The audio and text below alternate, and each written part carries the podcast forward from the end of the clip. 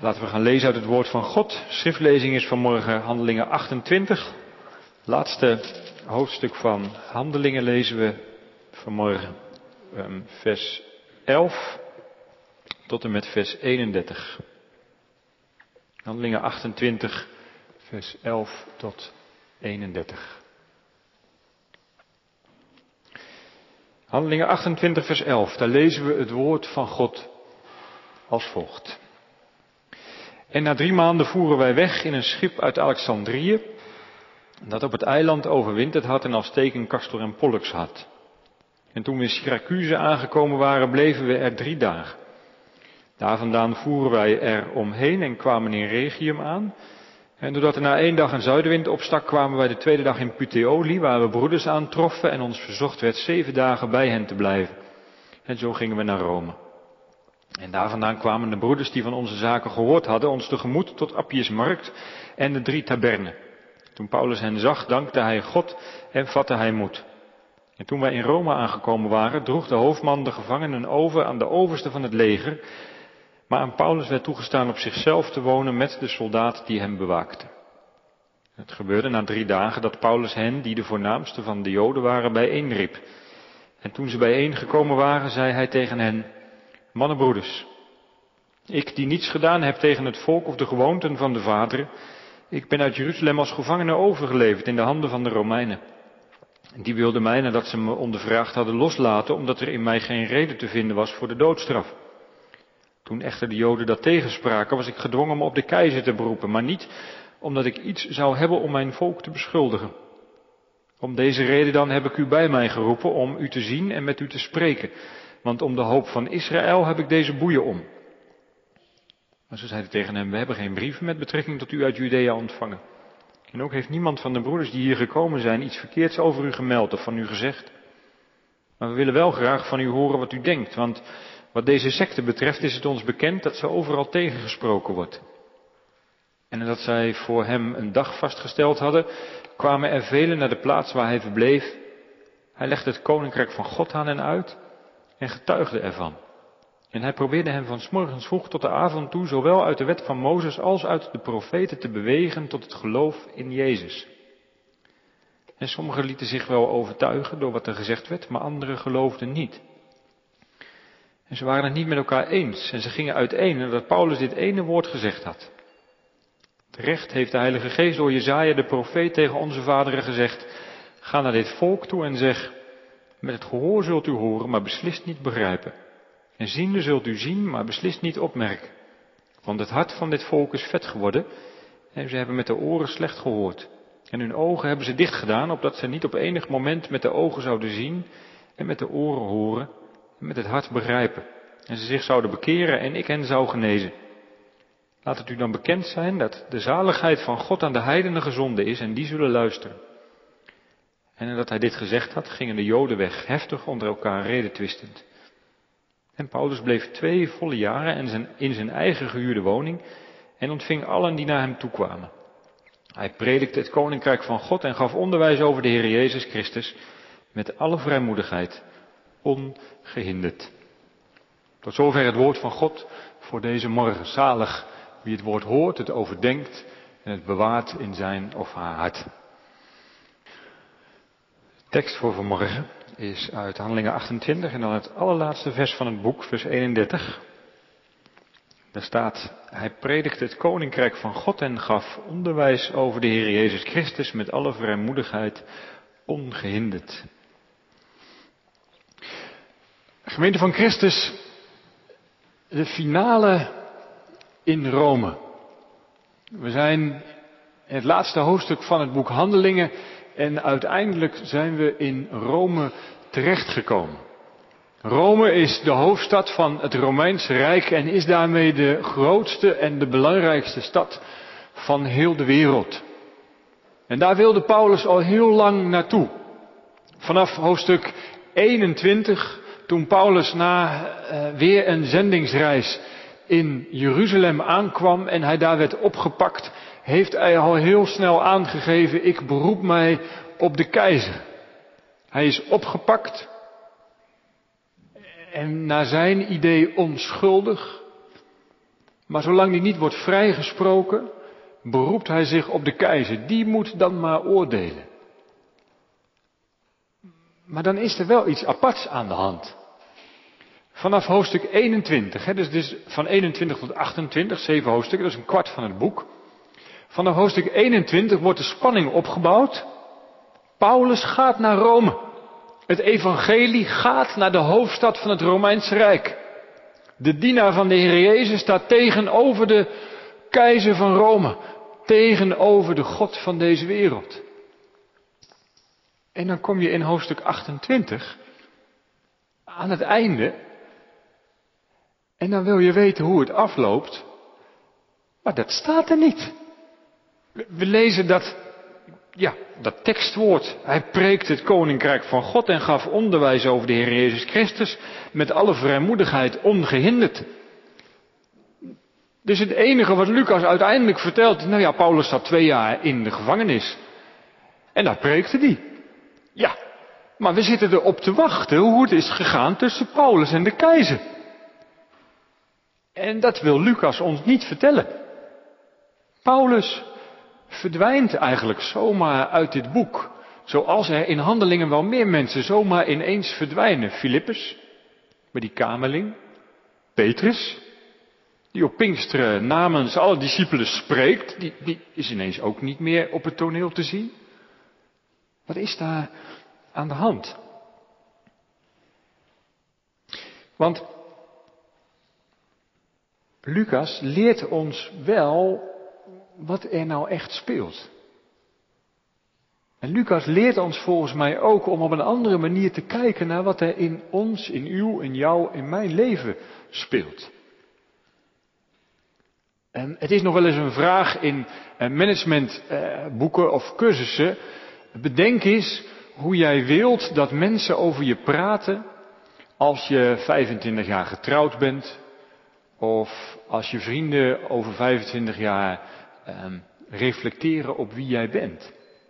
Dat helpt je namelijk om even de bijzaken van de hoofdzaken te scheiden. Als nou mijn kinderen bij mijn 25-jarig huwelijk uh, een toespraakje gaan houden, hoe wil ik dan eigenlijk dat ze mij herinneren? En als mijn collega's dat nou zouden doen, hoe zou ik dan willen dat ze mij typeren? Ik denk dat u ondertussen al aardig erover na zit te denken. En hoe gaat het nou bij Paulus? Hoe moeten wij ons Paulus herinneren? Paulus die zeven hoofdstukken lang bij de keizer probeert te komen. Aan het einde van het liedje vertelt Lucas ons niet. Paulus is bij de keizer geweest. En hij heeft verkondigd van Jezus. Daar stond de dienaar van de God van hemel en aarde tegenover de keizer van Rome en het is zus en zo gegaan. Dat is blijkbaar niet zo belangrijk. Zou dat ook bij u, bij jou kunnen? Dat je misschien nu wel jezelf doelen hebt gesteld? En dat Lucas een boek gaat schrijven, de handelingen van, en vul dan je naam maar in. En dat waar jij nu ontzettend naar streeft, dat het niet eens erin staat. Wat is er nou aan de hand? Nou, dan moeten we eventjes iets verder terug. We, begonnen halverwege eh, de reis van Jeruzalem naar Rome. Eh, in vers 11. En na drie maanden voeren we weg in een schip uit Alexandrië. Dat op het eiland overwinterd had. En het had als teken Castor en Pollux. En dan komt um, Paulus aan op het vasteland.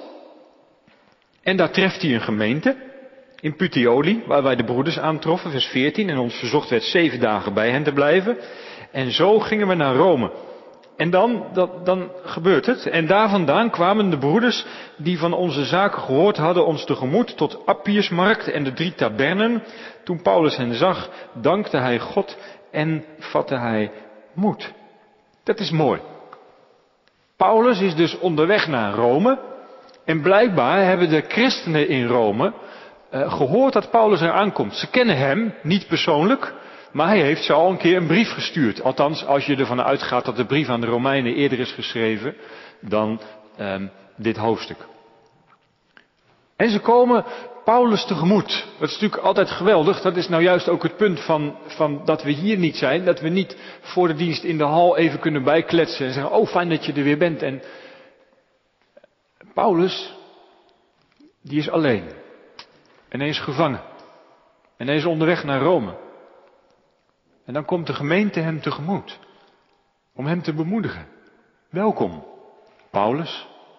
Wij zijn er ook. Samen zijn wij gemeente van Christus en wij zullen met je meegaan. Dat is heerlijk. Als je zo gemeente bent. En laten we dat ook de komende weken en maanden op de een of andere manier proberen vol te houden. Maar ondertussen is er wel iets aparts aan de hand, want ze lopen wel heel ver om Paulus te ontmoeten. Um, er staat eerst het dorpje Appiusmarkt, Forum Appii, 65 kilometer van Rome vandaan. Dan moet je bedenken dat je zo'n 20, 25 kilometer per dag liep.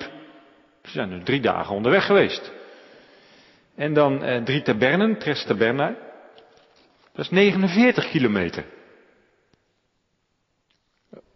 Is dat niet een klein beetje apart of overdreven? Nou, niet als je weet hoe het ging met de keizer in die tijd. Want er is maar één ander moment waarop mensen uit Rome zo ver uit de stad komen om iemand te verwelkomen. En dat is als een keizer een overwinning heeft geboekt. Als de keizer met zijn troepen aan het vechten is geweest in het oosten van het Rijk of, of in het noorden in de buurt van Utrecht, wat dan ook. En hij komt terug in Rome, dan laten de inwoners van Rome hun, hun blijdschap en hun erkentelijkheid aan de keizer merken door uit de stad te komen, massaal. En hoe verder ze uit de stad komen, hoe meer dat voor de keizer is uh, een teken van, van, van blijdschap. De mensen zijn blij dat het Romeinse Rijk aan zijn grenzen nog steeds veilig is. De enige die op zo'n manier werd binnengehaald in Rome is de keizer zelf. En dat is, als ik het goed lees, wat Lucas ons wil laten zien. Dat die christenen van Rome zo ver uit hun stad kwamen, is omdat hier een keizer wordt binnengehaald. Of althans, de gezant van een keizer. Hier is Paulus, een apostel, een gezondene van Jezus Christus. En wat verkondigt hij? Het koninkrijk van God. Dat heeft overwonnen. Hij verkondigt dat Jezus is opgestaan uit de dood. Dat de grenzen van ons leven, de dood, geen grens meer zijn. Maar dat het veilig is in de handen van de Heer Jezus. En daarmee gebeurt er dus meteen iets spannends. Want er wordt een keizer binnengehaald. En dat is zichtbaar. Het koninkrijk van Jezus is niet iets wat in je hartje zit. Ja, ook. Maar het wordt zichtbaar in deze wereld. Mensen in Rome, die hebben dat gezien. Daar gaat een stoet de stad uit. En ze komen terug met die Paulus. Alsof er een keizer wordt binnengehaald. Wat is dit nou toch? Koninkrijk van Jezus. Het koninkrijk van vrede en van gerechtigheid, van geduld en van liefde staat tegenover de koninkrijken van deze wereld. Tegenover de machtigen en het recht van de sterkste. Maar dit is dan wel een apart koninkrijk. Want je kunt wel een keizer binnenhalen, je kunt wel doen alsof. Maar kijk eens goed naar die man zijn handen, die zijn gebonden. Paulus is geen keizer. Paulus is een gevangene. En hij mag niet zelf bepalen waar hij naartoe gaat. Ja, hij komt in Rome en dan wordt hem wel toegestaan om zelf een huis of een flat te huren. Maar ondertussen heeft hij wel een bewaker bij zich. De keizer komt terug, als hij overwonnen heeft, met voor zich uit allemaal gevangenen, allemaal slaven, uit alle volken van de wereld. Mensen die slaaf geworden zijn. Maar hier komt iemand die geen slaven voor zich uitdrijft, maar die zelf slaaf is. En dat is het tweede dat Lucas ons vertelt. Wat we nou eigenlijk mogen zien. Want de woorden waarin Paulus tegen de Joden strakjes gaat vertellen wat hem overkomt, zijn woorden die heel erg lijken op het evangelie van Lucas, als hij vertelt over de dood en het lijden van de Heer Jezus. Paulus zegt bijvoorbeeld dat hij is overgegeven in de handen van de Romeinen. Dat stond in het boek Handelingen verder nergens. Maar dat is een citaat uit het Lijdensevangelie. En wat je hier dus ziet, wat Lucas aan het tekenen is, is dat de gezant, de slaaf van Jezus, precies dezelfde weg gaat als zijn meester. Op welke manier wordt Rome overwonnen? Hoe overwint koning Jezus de hoofdstad van deze wereld? Niet met macht, niet met geweld, maar door zijn dienaar te zenden die net als hij toen hij naar het kruis ging geketend is. Die geen macht heeft, maar die een bewaker bij zich heeft. Die is onderworpen aan de machten van deze wereld. Wat Lucas ons wil laten zien is niet een Paulus die vol vuur tegenover de keizer staat en een keizer die of zich gewonnen geeft en zegt Jezus is de Heer. Of een keizer die zegt ach ga toch weg net zoals de farao en dat er dan plagen over het Romeinse Rijk komen. Dat is hoe wij vaak zouden willen dat de Heer Jezus koning was. Dat het zichtbaar werd, dat het hoorbaar werd, dat de heerlijkheid van God nou eindelijk eens een keer geopenbaard werd. Maar Lucas zegt, kijk eens goed. Wat is nou eigenlijk heerlijkheid voor jou? Wanneer gaat jouw leven nou eigenlijk oké? Wanneer is dat leven van Paulus geslaagd? Niet als wij weten hoe het is afgelopen bij de keizer. Maar als hij namens de keizer van hemel en aarde, Jezus Christus, door de gemeente wordt binnengehaald. Als er mensen zijn die luisteren naar het woord van de Heer Jezus. En dat gaat precies op dezelfde manier als bij hun koning. Zij worden gebonden. Zij worden bewaakt. Ze zijn niet vrij. Ze zijn slaaf. Dat is de manier waarop het evangelie van Jezus Rome binnenkomt. Het is een zegentocht vanuit het perspectief van Lucas. Het is een vernedering vanuit het perspectief van Rome.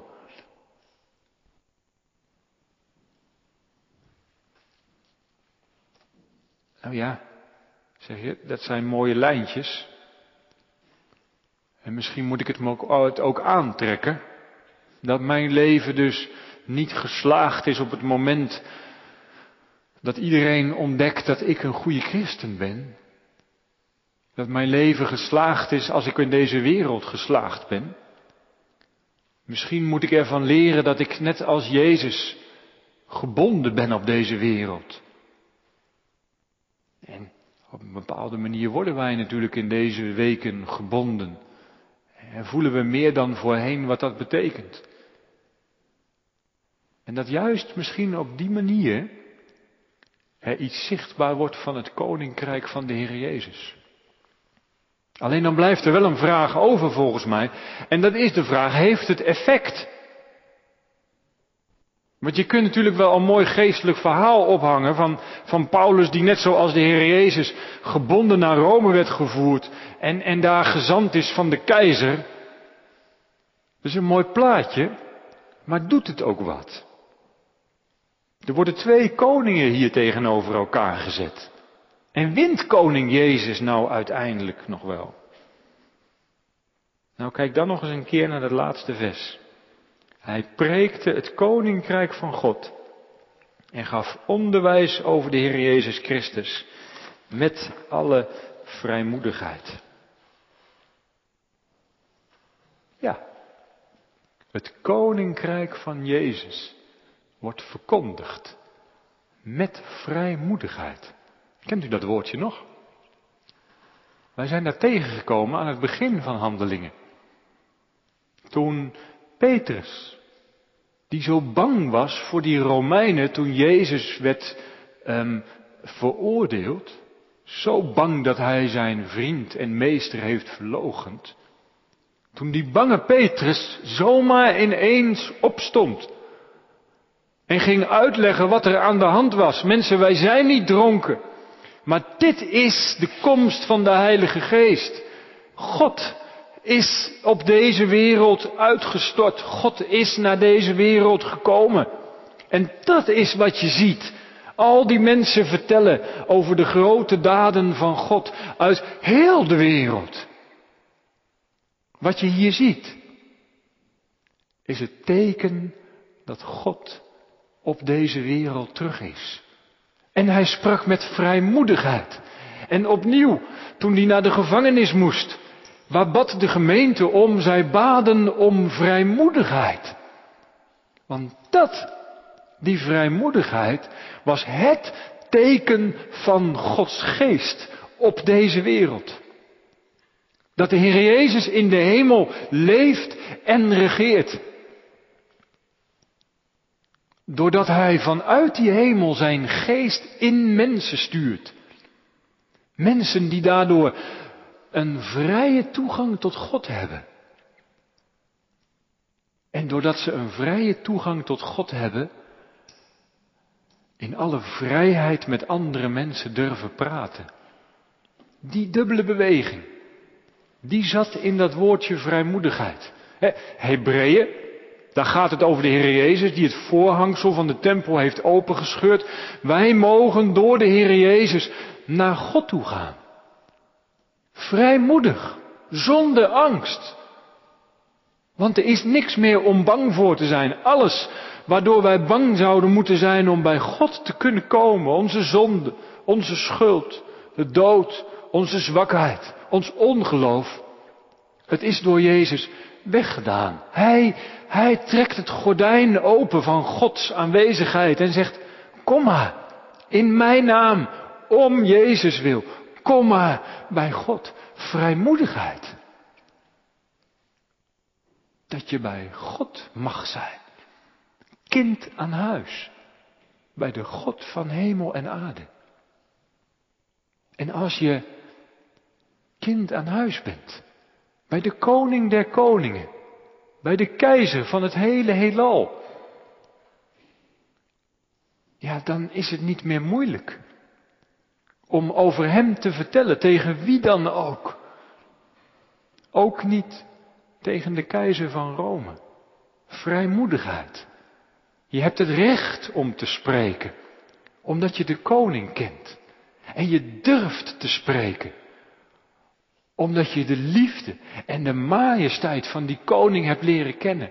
En omdat je het de hele wereld wilt toeroepen, doe je ogen open. En dat is wat Paulus gedaan heeft. Zeven hoofdstukken lang. Hij is bij de Joden geweest en hij heeft hen verkondigd, Jezus leeft. Hij regeert. Hij is bij Festus geweest, bij Agrippa. Hij is bij, in dit hoofdstuk bij de leiders van Israël geweest in Rome. En nu wil hij naar de keizer toe. Vrijmoedig heeft hij aan iedereen verteld de manier waarop jullie naar de wereld kijken. Waarop je denkt, eh, de, manier waarover eh, je denkt dat, dat je machtig wordt. Of dat je aanzien hebt. De manier waarop je denkt dat deze wereld geleid moet worden. Het klopt niet. Ik kom bij de keizer in de hemel vandaan, bij Jezus vandaan. En ik mag je vertellen dat zijn lijden en zijn sterven het principe van deze wereld is.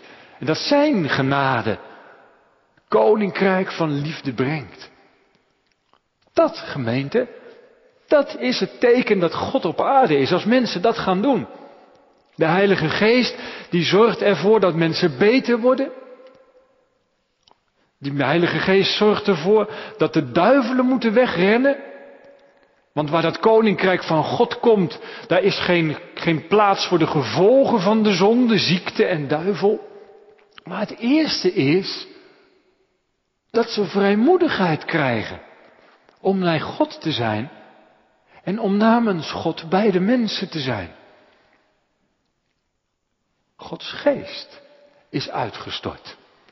De geest van de koning van hemel en aarde. En daar sluit Lucas mee af. Niet met of het gelukt is. Maar hij sluit af met de aanwezigheid van God in de cel van Paulus. Met alle vrijmoedigheid sprak hij over de Heere, Jezus Christus. Gemeente, is dat er ook bij u en bij jou? Vrijmoedigheid. God leeft. Dat hebben we wekenlang gehoord uit de mond van Petrus, Filippus, Paulus, al die mensen in handelingen die voorbij kwamen. Jezus leeft. En hij verkondigt dat u en jij bij de God van hemel en aarde mogen komen. En dat die God van hemel en aarde jou als zijn kind aanvaardt. En dat die God van hemel en aarde deze wereld waarin je leeft, zijn wereld noemt. Vrijmoedigheid om naar God te gaan. En vrijmoedigheid om te spreken en te leven in dat nieuwe koninkrijk van God. Om niet meer geboeid te zijn door al het moois en het machtigs in het grote Rome. Door niet meer geboeid te zijn door al het moois in het heerlijke Utrecht. Maar zelfs al heb je ketens om en word je dag en nacht bewaakt. Te weten, te geloven en te vertrouwen. Ik ben een dienaar, ik ben een slaaf van Jezus. Ik leef in het nieuwe koninkrijk dat niks of niemand tegen kan houden. De macht om het aanzien van deze wereld naast je neer te leggen. De macht om te strijden tegen die aanvechtingen in jezelf om bij God vandaan te lopen. Dat, dat is wat wij niet kunnen. Maar wat de Heer Jezus die leeft, ook op deze zondag ons wil geven, dat is Gods geest. God in deze wereld geeft aan u en aan jou vrijmoedigheid om naar God te gaan en om bij de mensen te zijn. Gemeente, wij hebben toch nog wel eens de neiging om um, te letten op hoe we het hebben. Lucas niet. Hij heeft het nauwelijks over die Paulus die gevangene is. Wij hebben dat nog wel eens. We zeggen, nou ja, we hebben nog zoveel. In tegenstelling tot zoveel andere mensen in deze wereld. Ja, dat, dat is zo als je kijkt met de ogen van deze wereld. Maar kijk eens met de ogen van Lucas. Als wij geen vrijmoedigheid hebben, dan kunnen we een prachtig mooie camera hebben. Maar als het kijken achter de camera zo tussen de bedrijven doorgaat worden, dat ons geloof niet meer iets bijzonders is. Zodat het koninkrijk van God naar de achtergrond verdwijnt. En we nog steeds wel christen zijn. En ook wel meekijken. Maar elkaar niet meer kunnen ontmoeten. Zijn we dan niet veel beklagenswaardiger dan Paulus in zijn gevangenschap? Als we geen vrijmoedigheid meer hebben om naar God te gaan. Als we het allemaal wel best vinden. Doordat we over zoveel dingen moeten nadenken in deze tijd. Geen vrijmoedigheid om te leven van Gods genade. Wat is dat dan voor een leven? Het gaat hier over een geketende Paulus, maar voor Lucas staat dat niet op de voorgrond. Paulus heeft vrijmoedigheid. De geest is bij Paulus in zijn gevangenschap. God zelf is in Rome gekomen met Paulus. En dan is het goed.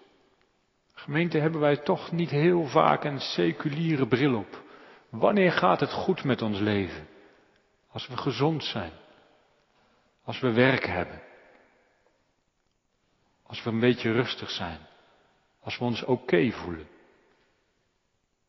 Lucas is begonnen met een evangelie. Lucas 2. Keizer van Rome was de eerste die om de hoek kwam kijken. En hij stuurde heel de wereld aan. Alle mensen op aarde moesten worden ingeschreven. Keizer van Rome bepaalt waar mensen heen gaan. En nu, twee boeken verder, aan het einde van Handelingen, over de keizer van Rome horen we niks meer.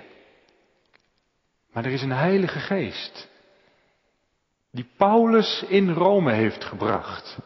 En ja, die Heilige Geest heeft dat gedaan door Paulus gevangen te laten nemen. Maar dat is eigenlijk niet zo belangrijk. De Heilige Geest, die namens koning Jezus is gezonden, heeft Paulus in Rome gebracht. En Paulus spreekt het woord van de koning. In Lucas 2 was het de keizer die de hele wereld in beweging bracht. Aan het einde van handelingen is het Gods geest die de wereld verkondigt dat Jezus leeft en zijn genade regeert. Dat is het laatste woord. Is dat gemeente ook het laatste woord in uw en in jouw leven? Van de Gracht heeft een mooi zinnetje gedicht. Ik loop dood, maar het pad niet. Dat is waar het over gaat in handelingen. Paulus, hij verdwijnt. En wij, misschien hebben we helemaal niet zo'n leuk leven. Heel apart, heel eventjes dan. Die, Paulus komt daar aan bij die, bij die Joden in Rome en die Joden zeggen, oh, nou we wisten niet dat je zou komen. Die christenen wel, dus die christenen uit Jeruzalem hadden een briefje gestuurd naar Rome. Maar die Joden die dus ontzettend veel stampij hadden gemaakt in Jeruzalem, die vonden het niet de moeite waard om een briefje over Paulus te sturen. Dus dan denk je, ik ben de gezant van God, ik ga naar Rome. Ze hebben me gevangen laten nemen. Maar die Joden dachten, oh ja, nou ja, nou, dat is ook afgehandeld, klaar. Dat kun je hebben, dat, dat jij dus denkt, nou, ik heb een geweldig belangrijke boodschap. En dat mensen denken, nou, ik vind het de moeite niet waard om het thuis nog aan mijn vrouw te vertellen wat hij vandaag bij de koffie aan me verteld heeft. Ja, dat zal dan wel. Ik loop dood. Maar de weg niet. De weg van Jezus. Want Gods geest is uitgestort. En Hij schenkt ons vrijmoedigheid. Om van Hem te getuigen. Amen.